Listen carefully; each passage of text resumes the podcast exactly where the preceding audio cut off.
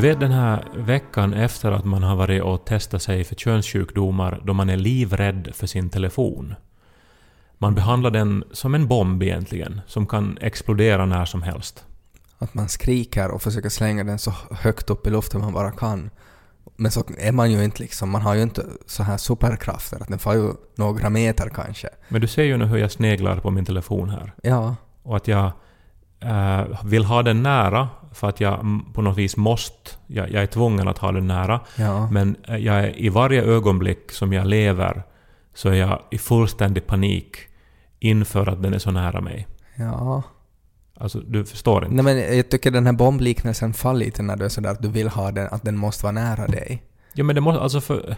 Det, en bomb måste man ju inte ha nära sig. Nej men när man testar sig för könssjukdomar Ja, så eh, är, är ju de metoden då, åtminstone här i Helsingfors, men säkert inte bara här. Jag tror det var så i Vasa också. ja. Att de ringer inom en vecka om det är någonting fel.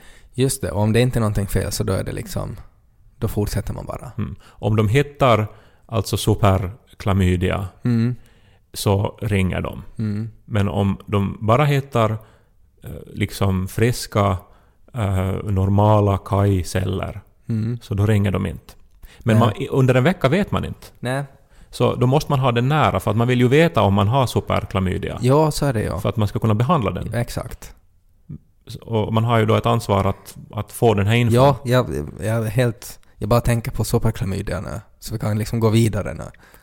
Du väntar att telefonen ska ringa. Ja, eh, alltså- eller inte ringa. Ja, men så, så här är det. Idag, om den ringer eh, idag, eh, Mm. så då förändras ju våra liv. Och du är totalt obrydd som vanligt. Det, det, det är ingenting som är överraskande för mig. Men, men för mig så är det här en jättestor sak. Alltså nu handlar det ju fortsättningsvis om det här Finlandia-priset som vi Ja. är nominerade till. Ja, så, och det är idag som de eventuellt meddelar om det så att man vinner. Mm, Vi spelar in det här på måndag. Det är tidig måndag morgon ännu. Mm. Och eh, under den här dagen så kommer vi att få beskedet ifall det är vi som vinner priset. På onsdag. Ja, på, på onsdag. Om det inte är vi som vinner priset så då kommer inte telefonen att ringa idag och så kommer eh, våra liv att se ut som vanligt. Om inte på något sätt att de eh, inte har fått tag på våra nummer eller något, kan man ju då tänka. Man, och vara paranoid. Ja. Och tänka att de har kanske försökt ringa men det har inte gått. Kanske hade det varit något tekniskt fel med simkortet idag. vissa instanser litar man ju på att ha det där i skick. Mm. Men nu när du säger det så, så har vi ju haft problem med det här ända sedan jag för många, många år sedan ett tag hade hemligt nummer. Mm. Och det här var någonting som jag anmälde då. Men sen så böt vi typ op- operatör eller Ja, och någonting. nu är det ofta som folk ringer till mig och tror att de har kommit till dig. För nu är det på något vis så att om man letar eh, på mitt namn i sådana här Ja. söktjänster så kommer ditt nummer fram. Ja, och grejen är väl nog det att eh, om det är så att vi vinner så ringer de nog dig först, tror jag. Eh, Det tror jag, vet jag inte om det. Nej men för jag tänker för, för det är liksom det är ditt namn som, som kommer först i boken och sådär. Att, att de i så fall ringer dig. Om de då inte har ditt nummer och, och, och letar upp det och så får de fram mitt nummer och så ringer de åt mig och jag svarar ju inte i telefon. Men idag svarar du ju i telefon. Ja, Och om det ringer idag, det här livsavgörande samtalet. men om det är ett okänt nummer. Hur som helst, här sitter vi nu och ska spela in avsnitt nummer 109 av Ted och Kai-podden. Mm. Roligt att du är med. Välkommen. Ja, Ted Forsström sitter mitt emot mig. Hej hej. Men jag vet inte, ditt hår blir så här tjockare för var dag. Ja, jag I har, takt bör- med att du blir smalare också. ja, jag har eh, ändrat hårvårdsprodukt. Nu för tiden har jag vax som innehåller toffe. Alltså Så att- att med det- fli- flit eller är det lo som... Nej, nej, det ska man kunna tro. Utan att det är faktiskt vax som, som har liksom toffe. Nå, toffe, någonting toffe. Jag vet inte vad det är. Om Jag det är om- a sense eller a hint of toffe. Men mitt huvud luktar uh, godisaffär. Alltså gör du det här för din partner eller för hårets skull? Nej, för att det råkar vara en väldigt bra... Alltså att, att mitt hår mår väldigt bra av det här toffen. Ja, det ser ut att må väldigt bra. Ja, det ser så här ja, ja. tjockt och friskt ut. Ja, men jag luktar som en sockerbagare. Ja, men det är väl inte fel? Nej, alltså första tiden kanske. Men sen är det sådär att man sitter någonstans och så är folk sådär att det luktar nygräddade munkar. Och så säger man nej, det är bara mitt hår. Jag måste bara säga att jag blev lite o- koncentrerad nyss för din telefon vibrerade här. Eh, Din telefon är också närvarande nu. Ja. Eh, Men eftersom det var ett sms så var det knappast eh, Anna Po då, Nej, som, som är domare. i som, som- ja. som är domare i den här tävlingen. Nej, det var det inte. Hur ska vi klara oss igenom den här inspelningen? Och en arbetsdag? Hur är det tänkt att man som författare ska kunna ha en vanlig arbetsdag när man sitter och väntar på besked om superklamydia? Jo, inte, inte är det ju tänkt att man ska göra något. Men jag menar, det är väl bara att du gör som vanligt som författare. Öppna flaskan och få och vilar oss lite. Ennesi buen purmo puutvu sarvotling Som talar sitt så popna popcorn Så popnu popnödena popkun, Så vi, lys på Ted och Kai Det är ju också, man känner ju energin. Det här är ju den mest kreativa tiden på året i svensk Finland. Eh, det uppstår ju så många idéer just nu och det filas på, på nya projekt och tankar och banbrytande grejer ute i stugorna. Kulturfondens ansökningar alltså. Ja, alltså den går ut, den här tiden att ansöka från Kulturfonden går ut nu på torsdag, fredag den här Mm. veckan. Mm. Och eh, det är ju hemskt många som söker. Jag tror ju inte att alla de här 8000 som söker har en riktigt bra idé som de har burit på i sitt hjärta hela livet. Nej, så är det väl. Men, Men- det, det ska man väl inte måste ha ibland. Så kan ju inspiration slå en bara och så vill man göra någon sorts musik av stickade sockor med någon intresseförening. Jag, jag, jag är helt på, på samma linje och jag tycker att Kulturfonden där har ju på något vis två uppgifter. Dels att stödja då de eh, strukturer och de idéer som redan finns, men Mm. också just att sporra till att hitta på nya idéer. Mm. Så det, att, det är ju väldigt svårt. Att är det här bara ett, på något sätt, eh, ett infall av en galen tant som har varit ensam för länge, eller är det här genialiskt? de har ju expertgrupper som läser och just försöker identifiera de här galna tanterna. ja, men det, ju, det måste ju vara ett otroligt jobb alltså. För att ibland så är det ju just de här galna människorna som man ska låta ge pengar också att göra någonting. För det kan ju liksom bli stor konst av det. Men att ibland så blir det ju bara liksom bajs kletat på väggarna. Det finns så många intressanta galna tanter. Jag, jag har undrat över den här, den här eh, Martha, vad hette hon nu då? Jag tror hon hette så. Det var en kvinna som, som eh, i USA var från Los Angeles och så flyttade hon eh, ut i öknen, i Nevadaöknen, till en sån här övergiven gruvstad. Där det inte fanns några människor, men där fanns en massa övergivna hus, bland annat en teater. Mm. Och så flyttade hon in i den här teatern och så började hon eh, alltså ha dansföreställningar varje kväll. Och hon höll på med det här i liksom många, jag tror tiotals år. Uppträdde varje kväll ensam inför noll personer i publiken. Så det var ingen att titta på henne? Nej, Okej. det var ju ingen i den här stan. Nej. Nej, det är ju, men det är ju någonting som Kulturfonden... Alltså det är ju det också att får man pengar från Kulturfonden så då måste man ju göra det. Om liksom idén i efterhand var sådär att så tänkte jag riktigt. Och det kan ju hända att hon nu då fick 10 000 av Kulturfonden att flytta ut till öknen och börja med någon sorts kan-kan åt en osynlig publik. Och då gör man ju det då. Ja, men att hon höll på så länge. då. Det Ja. måste ha varit mycket mer än 10 000 hon fick för att stilla det här döva samvetet. Och så, om, eller om hon höll på så länge för att döva samvetet. tänker jag. Ja. Men det svåraste är ju att komma på de här idéerna. Mm. Det, så, så är det ju alltid. Ja, och det är ju i alla situationer. I alla yrkeskategorier.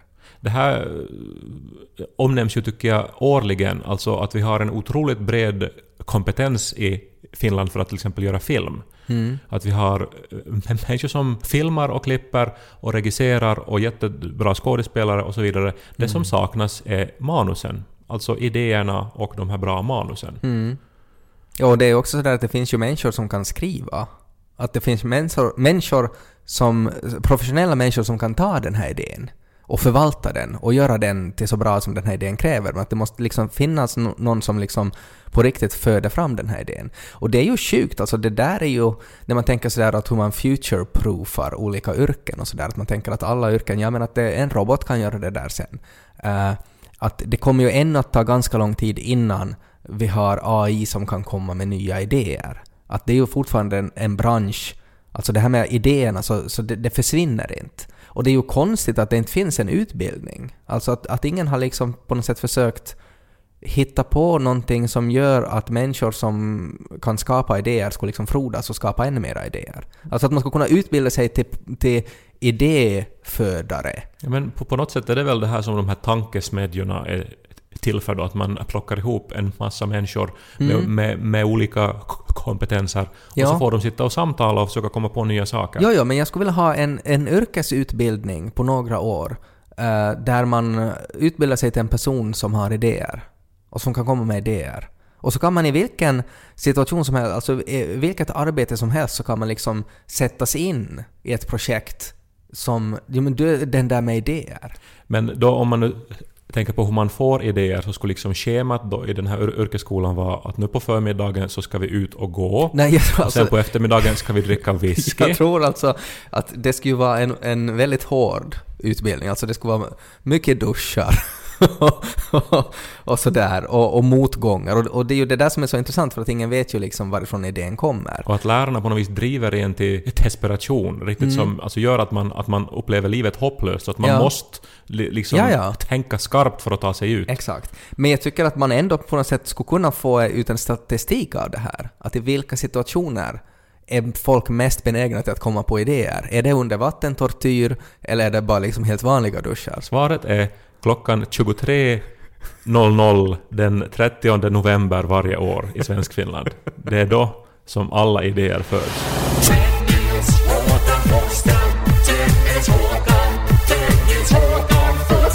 Men jag tänkte ju nu då, eftersom jag är en generös människa Mm. Och som också får idéer. Jag Ja. lever ju ganska mycket på att få idéer och förverkliga dem. Mer än de flesta. Ja, jag försörjer mig på idéhittande. Ja. Men så jag har ju ibland... Eller jag, jag har ju som känselspröten ute.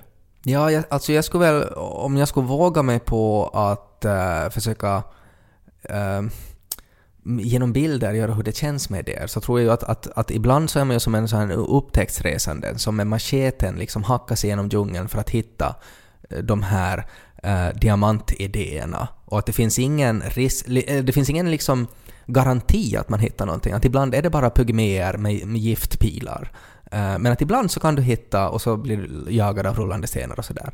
Men, men det är inte alltid så att ibland är det också liksom den här bonden som har den här åkern med idéer och det är liksom missväxtår efter missväxtår. Uh, eh, och, men sen ibland då så kommer det en jävligt stor pumpa och så är det en idé in i den.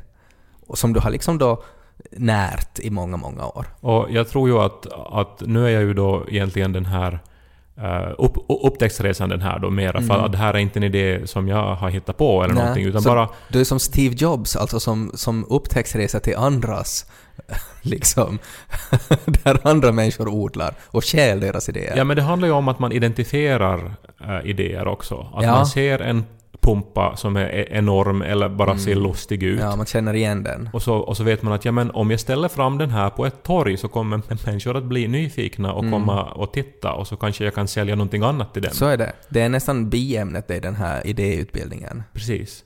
Nå, men det här är nu då en idé som jag slänger ut nu då, så här i Ja. den här desperata veckan då alla vill ha idéer.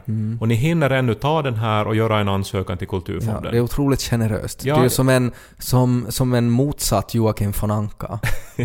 Ja, fast jag hoppas ju sen att, eh, alltså att någon annan som har idéer och hör det här då kanske inspireras att dela med sig. För Mm. att delad glädje är ju, är ju mera glädje. Ja, som jultomten brukar säga. Ja, men det här är hur som helst till alla som håller på med dokumentärfilmning där ute. Ja. No, men jag, alltså den är så solklar när man säger det så att jag måste inte ens göra någon introduktion. Jag bara går rakt på sak. ja. Lordis keyboardist har flyttat till Ytteresse. Ja, jag hörde om det här. Det, det är ju alltså, det skulle kunna vara titeln på dokumentären. det är synopsis. Ja, alltså, så, så är det. Alltså, Ja. alltså det är ju... Och det är ska- också det som ger en pengar från Kulturfonden, tror jag. Det är precis det. Alltså ofta är det ju en, en mening som på något vis öppnar eh, de här pengakranarna. Alltså, Mm. vi har ju varit på, på några sådana här så kallade pitchningstillfällen. Mm. Men det var som när, eh, när Titanic pitchades, så sa han det är Romeo och Julia ombord på ett sjunkande fartyg. Och så var de så här. och så gav de honom pengarna. Ja, fast det här är nog bättre än så, för det, för det är ganska otydligt ändå. Alltså Romeo och, och Julia då, en, en eh, kärlekshistoria, Nej, men olycklig sådan, ja. på, ett, på, ett, på Titanic. Ja men alla vet liksom att det är så här att alla vet precis vad det är och alla ser liksom potentialen i det då. Det påstås ju också att när Ridley Scott eh, skulle pitcha Alien-filmen Mm. så sa han att it's like Jaws in space. Mm. Så tror jag det var åtminstone. Ja. Inte den är ju riktigt som Hajen Alien. Nej, men eh, man kan ju... jag tycker det är samma kategori. Ja, men hur som helst, på de här pitchningstillfällena då så, så är man ju eh, inför en panel då. Det är ungefär som Shark Tank, om ni har sett Ja. Shark Tank. Faktiskt, ganska exakt. Ja, Och det handlar ju om att man ska vara så tydlig som möjligt och kunna liksom göra de här bilderna i de här människornas huvuden så tydliga som möjligt. och ett vi- vi- viktigt element under de här pitchningstillfällena är att man har väldigt lite tid på sig. Mm. Alltså man har 10 minuter per, per, per grupp. Ja. Och det är många andra som ska Mm. pitcha idéer samma dag. Och de här människorna har suttit länge där, de är kanske trötta, de är hungriga, de vill eh, bli blown away helt enkelt. Och det är inte då som man då går in och är så här att Nå, jag skulle vilja... Alltså det skulle vara lite som någon frågesport och så hade jag tänkt kanske Fredrik Foro som Mm. programledare. Alltså det där är säkert som en bra idé men i, i, i det där rummet så, så, så, så dör det ju. Så är det. För det är så otydligt. Jo, jo, det måste liksom sticka ut. Ja. Men om man går in dit och liksom uh, harklar sig och säger Vet ni vad? Lordis keyboardist har flyttat till Ytteresse. Mm. Så då får man ju alltså... Det, det är ju såna summor nu som Ja. vi inte kan föreställa Nej, oss ens. men det är också sådär att det väcker ju så många frågor. Alltså, Lordis keyboardist. Alltså var det inte... Det var väl en kvinna visst? Ja. Ja, och hon såg väl ut som en sorts mumie om jag minns rätt. No, de liknar ju alla, alltså... De är ju monster. Ja. Men att jag har nu läst då en artikel om det här då. Ja. Och eh, hon hade klaustrofobi, så hon ville inte ha en ansiktsmask. Så, Okej. så hon tog inspiration av någon sorts eh, samurajer och grejer. Men, men alltså, att hade ju nog också eh, just latex och, och sånt då. i sin Jag, har bara, jag tycker att det såg ut som en mumie bara. Och... Det, såg ju inte ut som en samuraj. Mm, men hon har nu då... Samurajer är ju inte monster, vill jag också poängtera. Men, men hon var väl kanske en död samuraj då eller någonting. Nu måste jag säga att jag inte minns hur de här medlemmarna i Lordi såg Ja. ut. Utom Mr Lordi Ja, förstås. no, du kan säga att hon såg lite ut som en mumie. Ja, no, men nu ser hon inte ut så längre. Nej. Eh, nu har hon då flyttat eh, till Ytteresse. Alltså uh, väckelserörelsernas uh, Mecka, lästadianernas eh, liksom storstad Mm. och eh, undervisar där eh, musik till barn. Ja, men hur ska det gå? Nej men det här är ju det som dokumentärfilmaren ska ta reda på. Ja. Vad möter hon där för människor, för situationer, för eventuella fördomar? Mm. Ja. Eller kanske hon inte alls möter fördomar, Mm. kanske är Ytteresse och de här lästadianerna tar emot henne på ett eh, öppet och underbart sätt. Jag är ju också sådär att i min bild av den här dokumentären så är hon ju, alltså att hon har ju dräkten på sig hela tiden. Alltså att hon går omkring där i Ytteresse och dricker en kaffe som en samurajmumie och pratar om hur svårt det är när folk bara vill prata om Lordi. Och så ibland, utan att hon kan hjälpa det, så växer de här vingarna som Mr Lordi har ut på hennes börjar rygg också. spruta eld och hon säger inte nu! Det är liksom om hon blir ivrig riktigt eller, eller arg. Ja men det här, det här är ju på riktigt en jättebra idé. Alltså det här borde ju göras. Det borde göras. Och alltså alla skulle, skulle, skulle köpa den här. Alla TV-kanaler skulle Mm. köpa den här. Och klockrent till Finland 100. Dessutom, liksom för ihop eh, Och både... det här på något sätt är liksom så också Finland 101. För, för hur ska vi liksom toppa Finland 100? Och det är ju samma sak med Lordi. Hur ska man liksom toppa det där? Och nu är keyboardisten och, och ska lära barn i Ytterese att spela piano. Ja, och man sammanför ju liksom heavy metal med salmer, Mm. Ja. finskt och svenskt. eh, liksom satanism och kristendom. Nu, nu, nu sysslar ju inte Lordi med satanism, men jag Nej. tror att ganska många kristnas bild av Lordi är att de är Så satanister. är det ju. Och det är ju så otippat också varför just Ytterese. Av alla ställen. Av alla ställen. Lilla, lilla Ytteresse. För er som inte kan Pedersöres geografi nu då så kan vi väl uppdatera er då om att Esse och Ytteresse är två olika byar. De ligger nära varandra men är väldigt olika till sin särart. Ytteresse är centrum för den lästadianska väckelserörelsen tillsammans med Larsmo i Österbotten. Och eh, det präglar ju liksom orten rätt så mycket. Men så här har ni nu då en idé. Uh, ni hinner ännu skriva den här. Men tror du att de, eh, alltså när hon ska lära dem att spela piano, då tror du att det är liksom Will you kiss a monster man? Är det liksom de låtarna de spelar? då? Säkert. Det, det, och, och, och inte, det är heller knappast liksom pianoljud utan det är såna här distortade orglar och Men sånt. tänk också där när man, när man, alltså jag tänker på förhållande som man har till ens lärare, så är det ju sådär att, att det kan ju vara väldigt, man ser ju upp till lärarna och det kan ju vara väldigt, lärare kan vara väldigt häftiga om det kommer fram någon sån här detalj om dem. Men att om det då kommer fram att, jag menar att, att min, lär, min pianolärare, så hon var mumie i, eh, i, i Lordis band som vann Eurovision. Och då måste ju då, då menas att de här barnen som hon undervisar var ju inte på långt när ens födda när de, de vann Eurovision. Nej, att det, det är ju väldigt, väldigt speciellt. Vi hade en lärare i lågstadiet som hade varit trummis i Stormwing. Ja, Det här legendariska Jeppes heavy metal-bandet ja från som 80-talet. jag ju dessutom är släkt med. Men Vem av dem? Alltså sångaren, Mattius. Släkt på... Hur, då? Nära?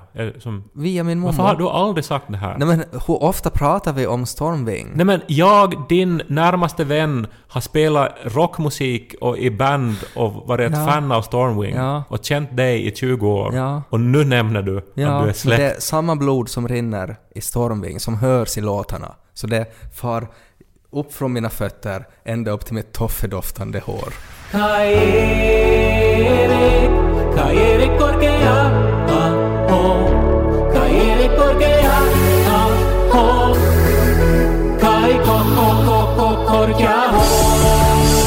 Får jag Kaj ställa dig en ärlig fråga? Självklart. Vi har ju pratat lite om mitt utseende nu Mm. i den här podden. Om mitt otroliga hårsvall och hur det doftar toffe. Med inslag av fudge, faktiskt. Är det någon Äh. skillnad på toffe och fudge egentligen? Jo, stor skillnad. Fudge är ju brittiskt.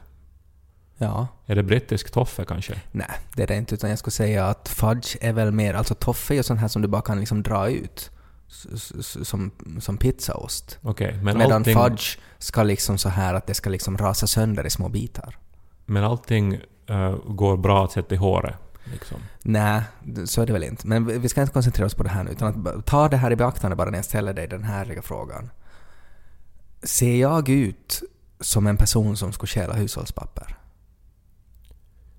Uh, stjäla varifrån? Stjäla hushåll- från, från, en affär? Från en affär. Alltså, tycker du att när du ser mig med min ytterrock på, så tänker du ja, där går en hushållspappertjuv som får hem till sitt hushållspappershem fyllt med stulet hushållspapper. Alltså just nu, eh, eftersom du gick hit till inspelningsplatsen på mitt arbetsrum genom en ganska eh, tråkig novemberdag, så är dina ögon lite så här vattniga, lite så här sexualförbrytarblick har du. Nej, nu, alltså rätt svaret är ju att, att förstås ser jag ju inte ut som någon som stjäl hushållspapper. Nej, okej, men det gör du inte faktiskt. Nej. Vad har du för bild? Alltså att när du tänker att om, om du skulle läsa i tidningen att eh, de har arresterat en, en våldsam tjuv eh, vid, vid någon sån här eh, trendig mataffär och, eh, och den här tjuven så blev våldsam när tjuven konfronterades med att han hade stulit hushållspapper. Så hur tänker du dig att den här tjuven såg ut liksom i, din, i ditt huvud?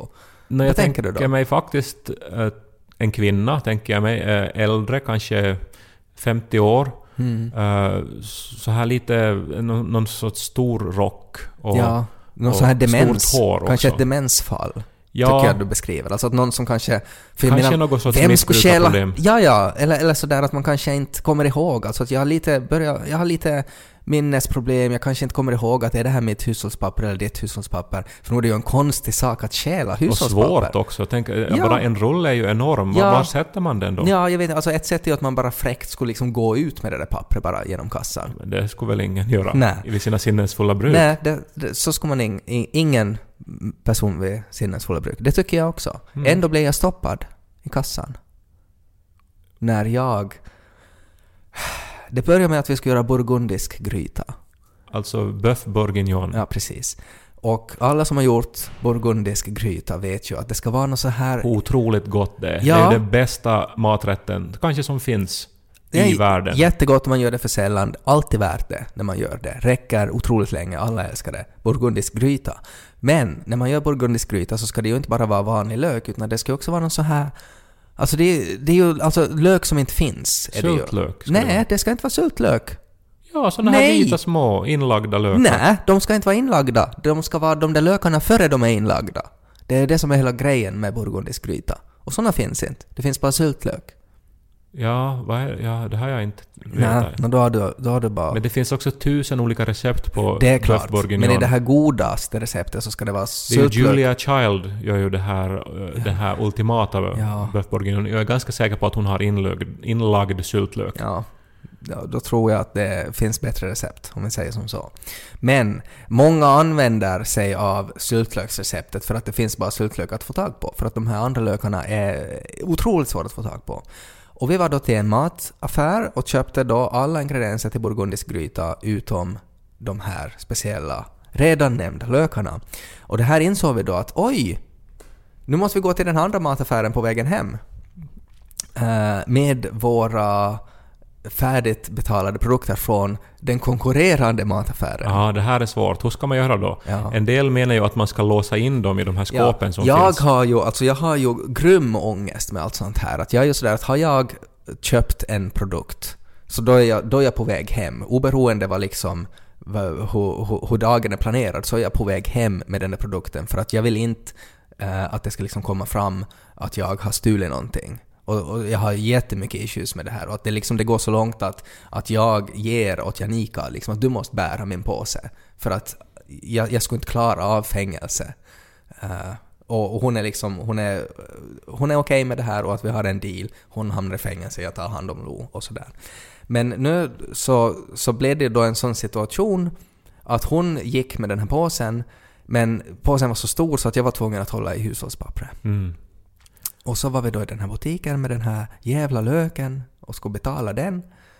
Och det var som så uppenbart att alla normalt funtade kass, kassapersonal ser ju att här kommer vi med, med, med stora kassar eh, och köper små lökar. Och, och, vi- och vi har ju glömt den där löken, så därför kommer vi ju hit. Man förstår vad Ja, det handlar förstår. om. Man har dessutom sett liknande situationer Ja, hundratals gånger. Exakt. Men då sitter då den här kassapersonen och säger att ”Jaha, och vad är, det, vad är det där som dinglar där i handen?” Och hon säger det på det här underliga språket. Ja, hon säger så. Ja. eh, på finska då. Men hon, hon använder faktiskt de orden. Vad är det där som dinglar i handen? Och redan där börjar ju alla varningsklockor. Att vad är det här liksom? Att, är det någon powertrip på gång här nu? Eh, och så säger jag att det här är hushållspapper från den konkurrerande mataffären. Oj. Och så säger hon Ja, men hur ska hon veta det? No, det har hon Alltså, ju en men, jo, men hon säger det sådär som att, som att, som en gädda. Och att om en gädda skulle kunna prata. eh, och så har man dragit den upp på bryggan och, och, och man har dödat den. Och så ligger den där gäddan utan syre och så rör den på munnen och så säger den liksom att "Nå, men varför har du dödat mig? Alltså det var liksom med den, det tonfallet och den rösten. Jag hör, jag hör det framför mig. Och så, så sa jag ju att, att nå, jag, jag, jag tror alltså att det där var väl min reaktion. Alltså, Men, men hade ni kvitto på de här inköpen? nej men vem sparar kvitto? Nej men därför just i de här fallen så alltså nu tar man ju kvitto om man har köpt mycket. För att Ja. sen kunna kolla att de har räknat rätt. Nå, nu visade det sig, ja just det, det har vi pratat om, men nu visade det sig då att eftersom Janika är medveten om mina issues med det här så hade liksom att det fanns ett kvitto. Och den här gäddan då eh, skulle gå igenom hela det där kvittot för att kolla. Och det det var ju lång, det var lång kö och det var jätte, jättekonstigt. Men Sen började vi fundera, alltså jag tror inte att den här gäddan hade någon orsak. Eller att, hade väl inte egentligen rätt att göra det där. Att just att om vi inte skulle ha haft kvitto, vad skulle ha hänt då? Ska, ska vi liksom dras in i något rum då med FBI och sitta där och gå igenom kameran eh, från hela dagen där man ser att vi inte har varit nära hushållspappersgrejen? Mm. Men var det just det här då att det inte var inne i en kasse? För att eh, det, alltså så, pass många gånger har nog jag gått igenom en kassa med en kasse från en annan affär utan att någon har reagerat. Nej, Eh, Så att jag förstår inte nu att nu plö- plötsligt då så då angrep gäddan. det är jätte, jätte, jättekonstigt. Var det kammelgäddan då som hade väntat liksom i... no, det var ju nog, alltså, det var ju nog en, en gamlare gädda. Alltså det var ju som inte en liten spigg om vi säger så, utan det, det här var ju nog en gädda som var van att En som äter en gång i året. Ja, och, Och, och väntar. äter andra gäddor och är så här van att man, man är liksom, man blir kanske hamnar på kroken men det gör inte något för att ingen orkar dra upp en. Det var nog en sån gädda. Nu undrar jag, för att ibland när man måste visa papper på Alko till exempel, som, som händer ännu fast jag är 34 år, Mm. Ja. allt då och då. Ja. Eh, Så sen efteråt så brukar ju eh, den här, det här standardsvaret vara att ja men att hen ville bara se vad du heter för att hen tyckte att du var snygg. Mm. Eller någonting. Eh, Och så skrattar man åt det och så känns det bra lite då. Mm. Eh, Fast, så, men det är ju ett sätt att lindra den här irritationen eller det här Ja. som man kan känna då Man i den förvandlar det till flirt i ens huvud. Pre- Precis ja. Så är det det som är ditt råd att jag ska göra? Men jag tänker om det hör ihop med ditt hår här nu. Ditt toffedoftande, eh, väldigt, vä- väldigt snygga hår. Så att när jag kommer med mitt snygga hår då, stressad, fullt med burgundisk gryta i en massa påsar, barnet skriker och sen är det en 87-årig äh, gammelgädda som i det ögonblicket när det är lång kö, fredag kväll, då ska hon börja flirta med mig. Då är det nog ett jävligt bra hårvax jag har alltså. Ted och Kai. Min muffa var ju krigsveteran. Mm, Och- min också. Ja, eh, och eh, min muffa hade dynamit hemma hos sig som han hade på något vis fått tag på. Alltså ifall ryssarna kommer. Det, ja, det var lite oklart. Var det något som han liksom poängterade ofta och sen stirra håglöst ut genom fönstret? Och till saken hör att min muffa var ju en sån här historieberättare också. Ja. Han sa också att han hade en tand av en dinosaurie.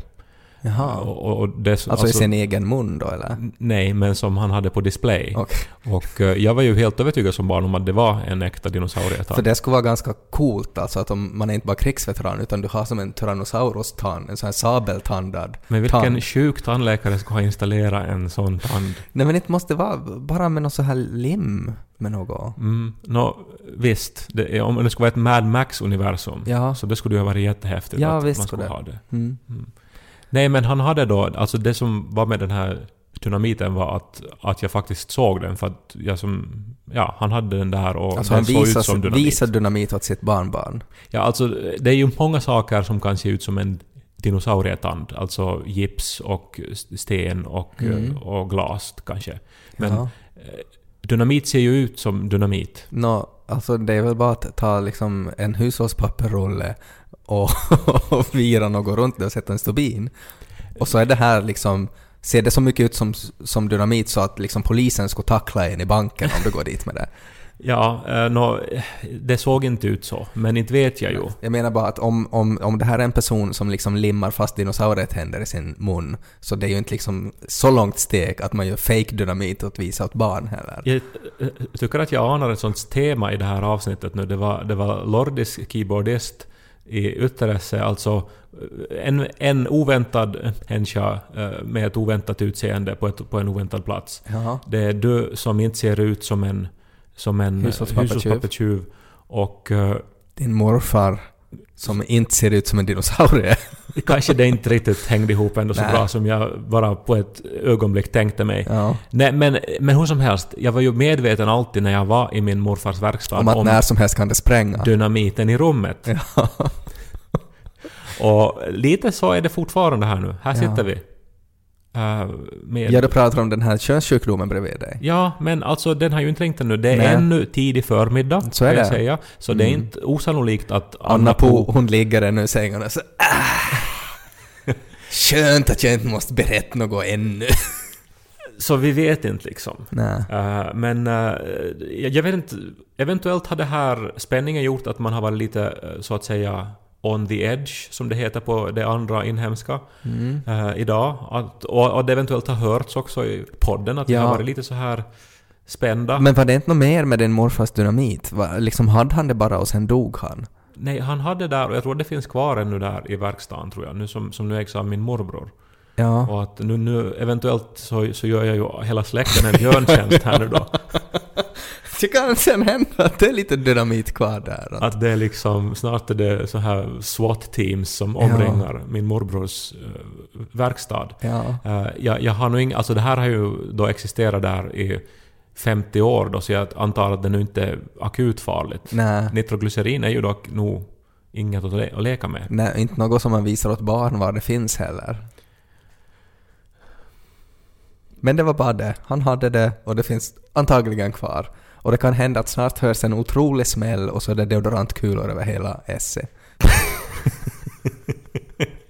Det börjar regna roll-on-bollar på taken i Grönlandet Och på Lordis uh, keyboardists nya radhus.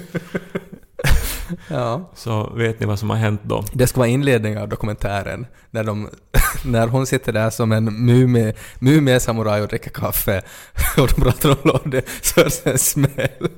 Och så strittar det deodorantkulor på glaset. Och så är det en dokumentär om Esse. Ja. Vilket märkligt ställe. Otroligt. Vad många olika personligheter. Ja, jättebra. Det är ju otroligt bra. Ännu en idé. Ni har flera dagar på er att ansöka. Hej, det ska vi ju säga ännu i det här avsnittet. Att eh, nästa vecka så kommer det en, ett helt normalt Tedukai-avsnitt. Men efter det så då kommer vi att ha ett litet uppehåll. Mm. En paus. En liten paus för att vi ska fundera över eh, lite eh, vad vi har gjort med den här podden och hur vi ska gå vidare med den och sådär. Låter det mindre dramatiskt om vi säger jullov? För att alltså, vi ska ju absolut fortsätta med den här podden. Vi älskar att göra den, vi älskar att ni lyssnar och att ni hör av er på mm. Men vi tänkte ta jullov här emellan. Det tänkte vi. Så att eh, efter nästa vecka vanligt avsnitt men sen efter det så har vi sådär kring fyra veckor ish jullov. Tills det nya året. Mm. Uh, men all, alla har ju ändå så pass mycket att stå i med i december så att Mm. uh, ingen tror jag kommer att sakna oss. Nej. Eller det är rimligt att få ha en paus också. Jag tycker för att vi har så mycket julklappar som Ja. ska köpas. Så är det och jag tycker, jag menar Eller stjälas då i ditt fall. Ja, jag tycker också att även om man är då Lordis keyboardist så måste man ibland få ta en paus också. Det tycker jag också. Och lära barn istället för att bara starta rocktauranter och, och, och inviga torg och sånt där. Har inte Lord en låt som heter Babes for Breakfast också? Ja, nu är jag inte så insatt i diskografin Den tror jag inte finns i Sionsharpan. ännu. Dead or